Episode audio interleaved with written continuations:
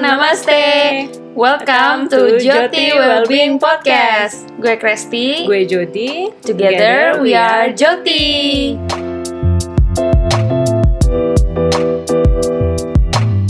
Halo teman-teman, namaste. Namaste. Welcome back to episode Joti. Kali ini kita sudah di sampai episode ke-42. Eh, udah Wih, jauh ya. Udah injak angka 4 nih. nah, di episode 2 episode sebelumnya kita mengundang special guest bersama dengan teacher Dira Dewi. Di situ kita kita dengerin nih ceritanya teacher, perjalanan yoganya dari zaman bala kalau kata teacher. lama dari dari zaman lama banget lah gitu ya. Dan juga di situ teacher menceritakan tentang suka dukanya gitu. Jadi nggak cuman senang-senangnya doang nih dikira jadi guru yoga tuh kayak cuman mungkin eh, ibaratnya kayak terbang-terbang di atas langit gitu ya. Tapi em, juga ada loh gitu senggol bacok kanan kiri depan belakangnya juga ya gitu.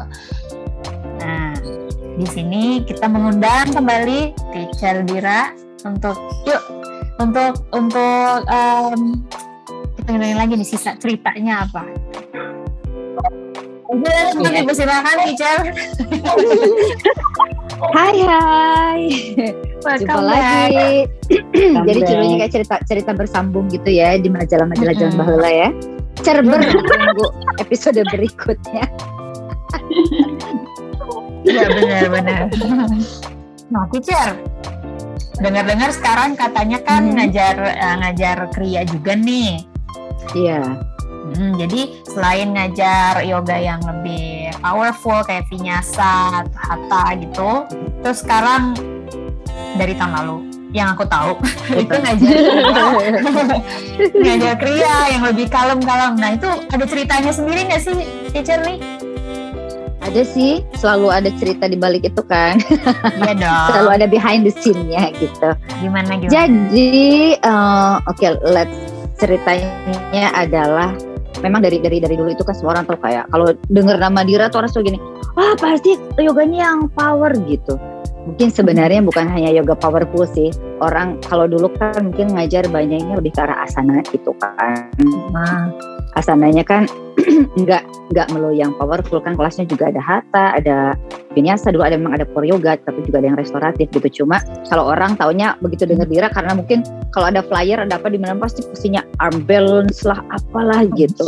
Sampai disebutnya dulu Miss Arm Balance gubrak deh. Wih. atau yoga abri gitu. Yoga abri katanya. Ketawa aja.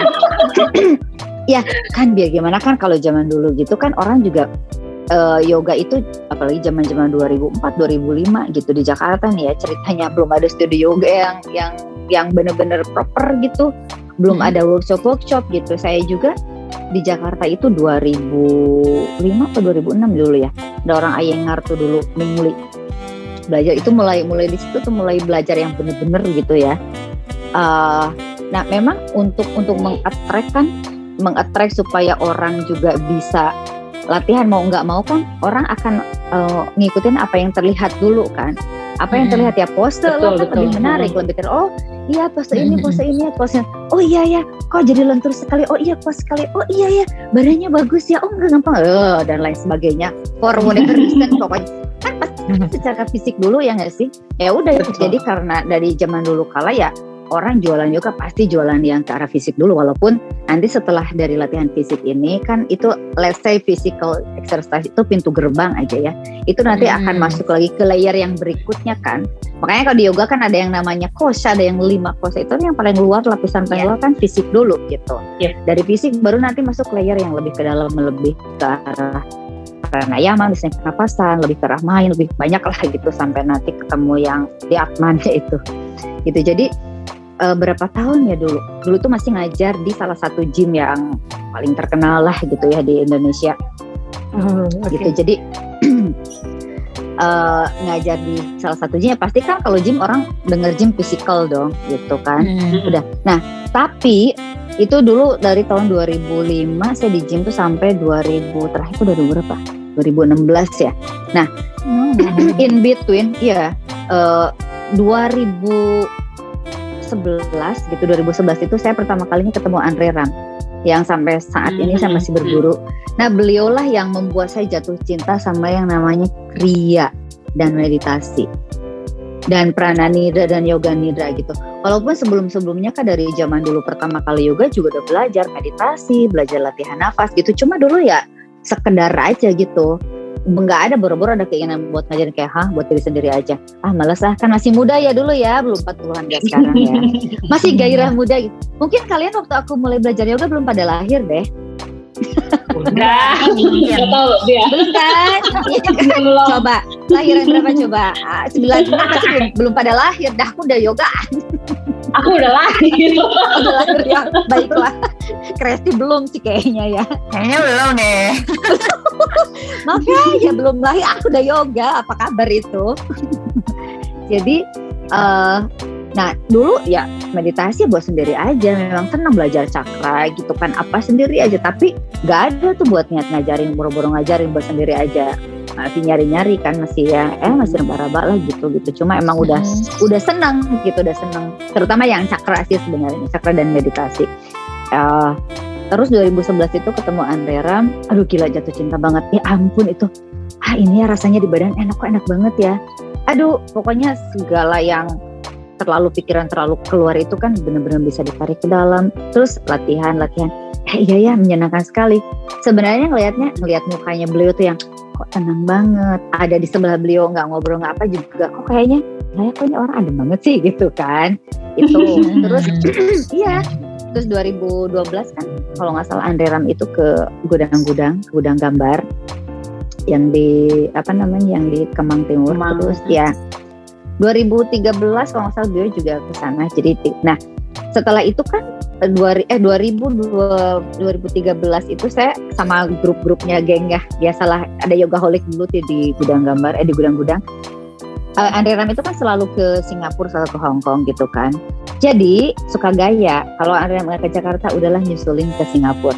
Jadi alhamdulillah dari 2011 2013 sampai terakhir 2019 saya bisa ngikutin beliau. Ada satu tahun tuh ada satu tahun tuh dari Barcelona saya ngikut ke Singapura terus ngikut ke Hong Kong. Udah kayak Oh iya, pernah lihat tuh di Oh, Instagram. iya. Itu workshop gitu ya, ya? Nah, tapi kan kalau yang beliau yang di Barcelona tuh intensif 10 hari kan gitu 100 Hmm. jam 100 jam. Ya jadi saya ngikutin dari ngikut-ngikutin gitu sebenarnya dari tahun 2016 tuh inget banget eh, yang pertama di Barcelona tuh ter- terakhir itu pas pas closing beliau udah bilang now you can teach. Lu jadi pengen nangis. Now you can start to teach you can start to teach uh, what I taught you dibilang. Udah harus mulai ngajar. Cuma waktu itu udah niat dalam hati nih udah ngomong gini I will not teach gitu. Gak akan per- gak akan ngajar sampai uh, your teaching become my uh, apa ya kayak my daily life aja gitu. Jadi jadi my habit gitu dulu. Gak mau ngajar pokoknya sampai apa yang diajarin Ande Ram itu sampai benar-benar bisa menjadi habit setiap bangun pagi siang sore malam yang dikerjakan gitu kan. Gitu. Iya masih nggak mau ngajar. 2016 2017 ketemu lagi dicolek lagi. Dia tahu belum ngajar kan? Ngomongnya cuma gini I think now the people in Indonesia are ready katanya. Gitu. Dia tahu aku gak ngajar gitu. Cuma dia dia eh, cuma ngomong gitu kayaknya orang-orang udah siap deh gitu. Ah gila ini dia kok tahu sih? Karena memang nggak mau ngajar kan dipikir aduh orang Jakarta semuanya jumpalitan deh gitu. Ah nggak mau lah nggak bakalan mau lah dikasih kelas begini mah gitu. Udahlah nggak usah percuma. Gitu biasalah. Kan berburuk sangka itu nggak boleh juga sebenarnya. Cuma memang Iya, tidak nggak. Beneran? Gila. Udah ikut beliau lagi 2018 2019 tetap disindir tetap aja santai. Dulu dulu dulu gitu. Nah tapi sebenarnya 2018 itu udah mulai ngajar di studio tuh ngajar tapi cuma ngenalin pranayam yang di awal sama di akhir biasanya nidra prana nidra doang paling cuma 5 sampai 10 menit paling lama gitu. Nah, ternyata responnya gila itu enak banget ya. Nah, begitu ada respon bagus langsung semangat dong ya. Uh, gitu. Ah, seneng dong. Ternyata iya, rasakan baci panggung ya. Hah, ternyata orang-orang orang-orang Jakarta udah bisa menerima nih pelajaran yang begini gitu kan. Udah jadi setiap kali kelas pasti adalah di awal meditasi atau pranayam di akhirnya ada nidra gitu. Eh tahu-tahu udah lagi semangat semangatnya gitu kan. terkenal kan kita si COVID itu 2020. Hmm. Memang udah saatnya mungkin sama Tuhan udah dijodotin kayak this is your time gitu. Nah itu aja 2020 itu saya harusnya berangkat ke Jepang ikut lagi Andre Ram kan. 2019 saya ikut dua kali di Jepang dan di Italia. 2020 harusnya ikut di Jepang dan di uh, Swiss. Tapi Hmm. udah beli tiket segala macam. Eh di Amsterdam deh. Gak jadi sampai sekarang tiketnya masih nganggur. Gak jadi.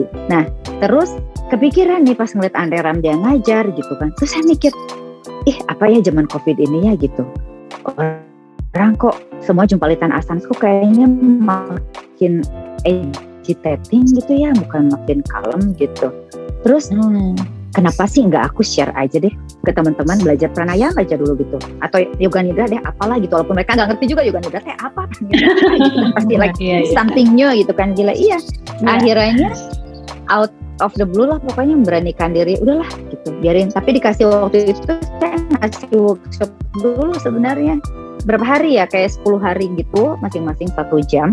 Eh responnya lumayan tuh ada berapa? 25 orang kayak yang ikut gitu nggak nyangka juga gitu kayak oh ternyata mereka pada mau gitu ya udah akhirnya dari situ mulailah jadi seminggu dua kali ngajar gitu terus di IG Live juga memperkenalkan yoga nidra gitu supaya orang-orang Mhm. nggak hanya melulu melatih fisik jumpalitan gitu tetapi juga supaya isinya nggak kopong gitu harus diisi kan energinya harus Iya. diisi gitu Hmm. terus harus juga grounding gitu iya ya akhirnya itulah terjadi mengajar kriya deh. Ketagihan sampai Wih, sekarang. keren, Seneng. keren. Jadi emang iya sih, kayaknya gila ya. aduh. Gara-gara COVID ini kayak semua orang tuh dipaksa, dipaksa untuk lebih kalem gitu. betul. Termasuk Dipaksa kita ya berarti. gitu. Terus kita. dipaksa lebih inward aku juga kayak ya emang itulah. Jadi eh, percaya nggak percaya sih kayak gini. Kalau emang udah waktunya gitu you cannot just run away gitu. Nggak bisa. Emang udah seharusnya gitu. Dijeburin gitu ya kayak jurang. Iya, iya. Mhm. kalau nggak dipaksa kondisi begini mungkin sampai sekarang nggak ada tuh ngajar-ngajar kelas kriya. Belajar aja buat sendiri gitu. Tapi itu pun ya bener-bener setelah like years bener-bener dari 2000 yang rajinnya itu dari 2013 eh, yang tiap pagi bangun setengah lima tuh maksain mau setengah jam tergantung punya waktunya berapa mau satu jam. Mhm. kriya latihan nafas gitu ya nafas meditasi sama prana nidra ya gitulah. Akhirnya karena merasa eh ternyata aku tuh udah cukup loh aku udah paham ternyata itu walaupun ternyata kan nggak ngerti juga. Eh bisa ya sharing gitu. Iya lucu. Ya Nah. gitulah. Maklum lah ya agak agak idealis kan kalau misalnya nggak paham banget nggak ngerti banget dan itu nggak menjadi habit aku aku nggak mau ngajarin biasanya gitu Hmm. agak idealis ceritanya Jadi benar eh, diterimanya lumayan lama. Maksudnya teacher mengolahnya di dalam diri sendiri lumayan lama ya. aduh lumayan lama bukan bukan main lumayan lagi lama banget Lama banget. Ih, gila. iya karena karena itu tuh sesuatu yang buat buat buat buat tapi sesuatu yang apa ya? Nggak gampang gitu mengajarkan sesuatu yang berhubungan dengan energi. Mhm. jadi gak yang diajarin sekali contek ajarin keluar. Nggak bisa kalau itu gak ada dalam diri kita. If it is not in in my blood gitu nggak akan bisa keluar dengan baik gitu hanya akan Iya jadi sih. kayak kopasan aja iya Bener sih, aku setuju Gitu. sih. Ya. Iya guys. Mesti, mesti dilakuin dulu sih, baru bisa apa ya, baru bisa dikeluarin kasih ke yang lain. benar benar benar gitu jadi di, di, di, di- dimasak dulu dalam diri gitu udah resepnya udah dapet dicobain berkali-kali akhirnya udah jadi ini deh gitu gitu Jadi benar-benar masih punya apa ya, masih punya uh, warna dari kita sendiri gitu. betul betul betul betul Nah. jadi nggak nggak mencimplak plak plak plak gitu kan gitu Ah, tadi kan teacher ngebahas tentang Andre Ram nih. Uh, ya kan itu salah satu guru teacher juga ya berarti. Uh, menurut teacher sosok seorang guru itu gimana sih? Menurut teacher, guru itu kan teacher udah banyak nih bertemu dengan uh, Banyak guru. guru yoga, apa ya?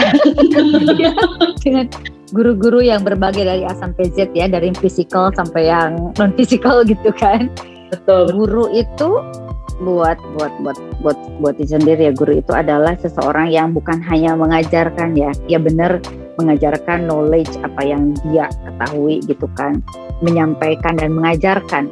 Uh, tetapi juga jadi contoh sebenarnya gitu. Jadi bukan hanya mengajarkan dengan oh ajarin dia ngasih ini, tapi kalau in term of yoga ya karena kan gurunya guru yoga.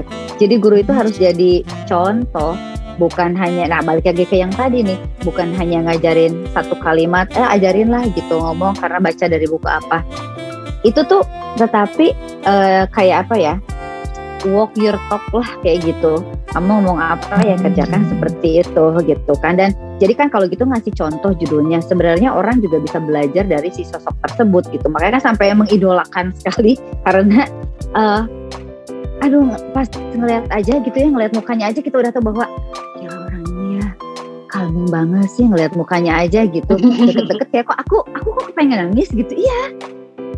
Deket sama dia aja kayak ada hawa-hawa anget gitu ya ampun ini manusia apa sih? Gitu sampai segitunya gitu. Jadi karena saya yakin beliau juga benar-benar bukan hanya mengajarkan tetapi apa yang diajarkan itu udah benar-benar ada dalam dirinya sehingga beliau mengajarkan dari pengalaman bukan mengajarkan dari apa yang dia dapat hanya dari buku misalnya gitu. Karena kalau Andre kan selalu bilang nih um, sebenarnya kalau mau belajar boleh dari buku dari apa dari apa dari guru lain tetapi lebih baik lagi kalau kalian lebih banyak duduk dan diam, being receptive karena um, segala yang namanya ilmu pengetahuan itu datangnya mau dari mana? Dia bilang datangnya itu dari alam semesta dari Tuhan.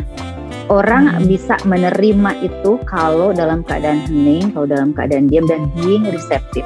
Itu dengan sendirinya kayak any knowledge apa-apa apa-apa itu akan datang dan kamu akan paham dengan sendirinya gitu. Ini mah, oh, iya. ya like beneran aku ngalamin banget itu kalau dibilang seperti itu sama Pak Guru itu ya. Pertama kali ke Barcelona itu 2016 ternyata trainingnya dalam bahasa Spanyol. Oh my god. 10 hari terus aku pada gini like hebat sih. Serius ini bahasa Spanyol aku tidak ngerti gitu. Tapi memang sesekali ada iya sesekali ada yang translate gitu. Contoh segini, ah how about me? Gitu kan pengen nanya. Belum oh. kita nanya belum apa ya. Tiba-tiba dianya kayak ada orang Asia berapa orang gitu kan. Terus anda cuma gini. Terus senyum aja sambil ngeliatin. Katanya if you don't understand gitu kan. Kalau bahasanya beda. Hah? Kita langsung gini oh kok dia bisa tahu isi hati kita? Nggak usah nggak usah bingung dia bilang. Diam aja. Just be receptive. Karena ini kan yang namanya bahasa. Ini kan kata-kata itu kan sebenarnya hanya rangkaian huruf gitu. Apa yang kita dengar apa yang kita tulis yang kita katakan. Tetapi Andre bilang bahwa yang namanya energi itu itu enggak hanya dalam berbentuk, berbentuk dalam kata-kata. Itu kamu bisa rasakan bisa dengarkan sendiri. Udah diem aja 10 hari just being receptive gak ngerti nggak apa-apa dengerin aja. But but katanya believe me somehow you will remember then you will understand udahlah kalau udah digituin tiap hari udah dengerin aja pokoknya. Hmm. dari jam 8 pagi sampai jam 9 malam gitu ya. Tapi aku. gila. eh, tapi gila loh bener itu ya.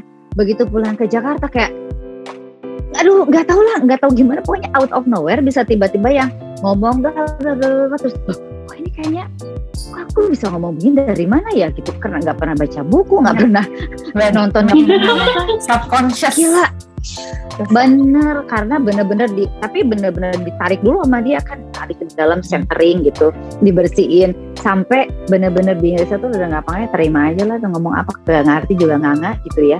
Aduh Oke, gitu. teacher yang dipakai sekarang ya oh iya benar bisa tuh aku ada tuh. tanpa ini aku tanpa sadar loh pakai ini. Tanpa sadar kan dari pagi udah habis ngajar. Wah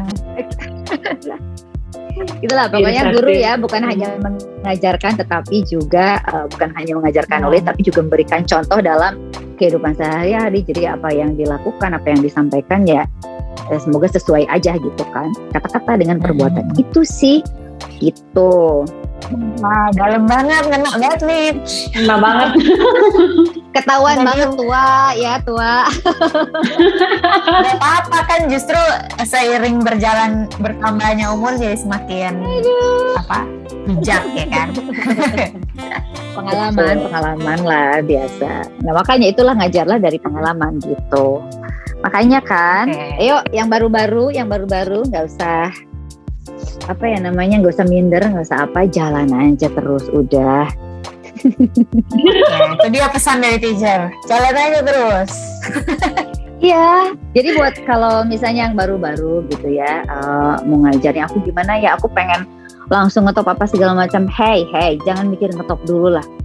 Do your best aja gitu, latihan dulu, Mhm. jangan ngajar dulu, latihan dulu yang benar sampai itu jadi habit kita, sampai embody dalam diri kita. Pada saat kita ngajar, itu pasti akan dapat muridnya cepet bisa karena kita ngajar dari pengalaman gitu, bukan ngajar dari hanya dari buku misalnya seperti itu, gitu.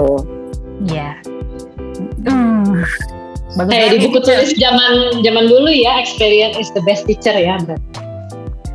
Nah itu yang aku Iya kan? bilang sama sih ya.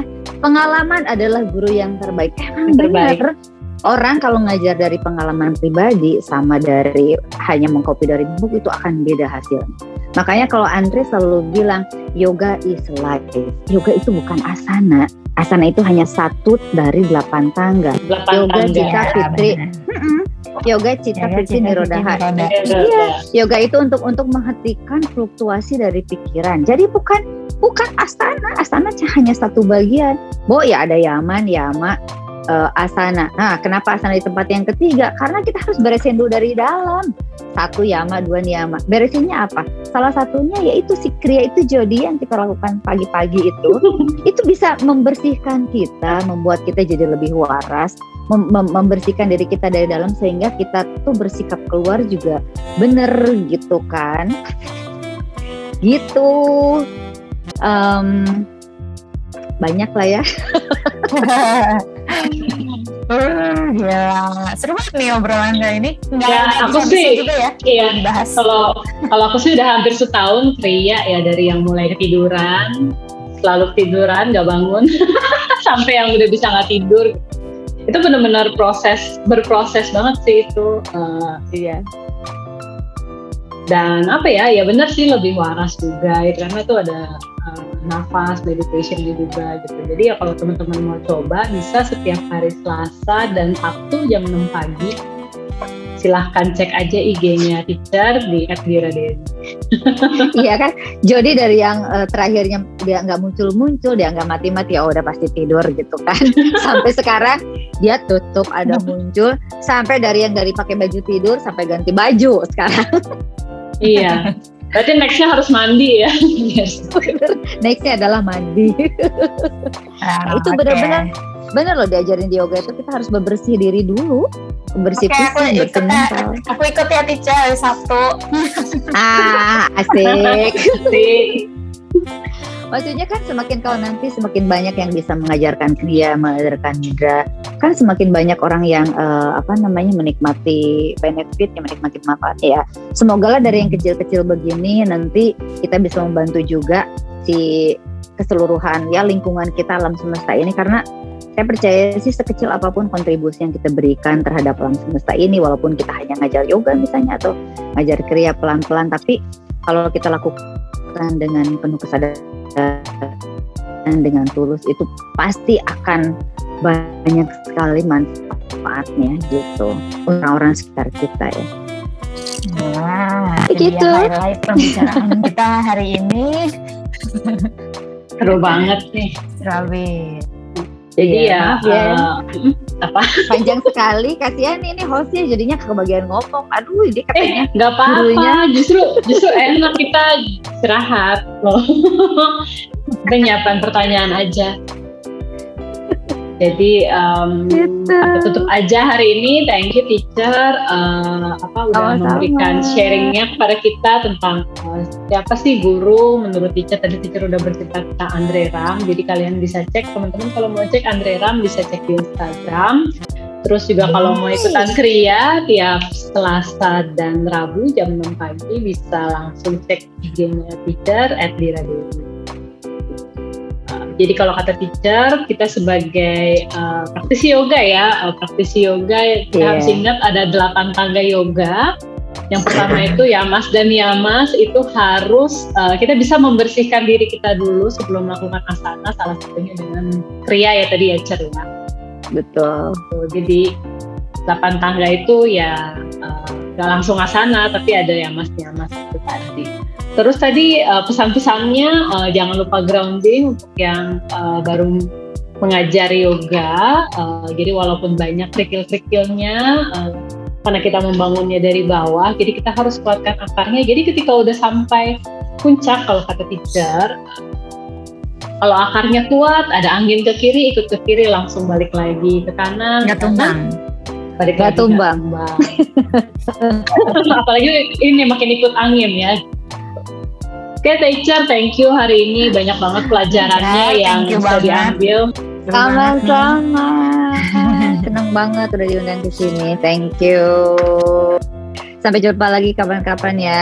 Mungkin di kelas. Iya, Ya, sampai jumpa di kelas teacher. Thank you. iya, thank you. Sampai teacher. jumpa di kelas. Namaste. Terima kasih Jody, terima kasih Kristi. Thank you. Namaste. Namaste.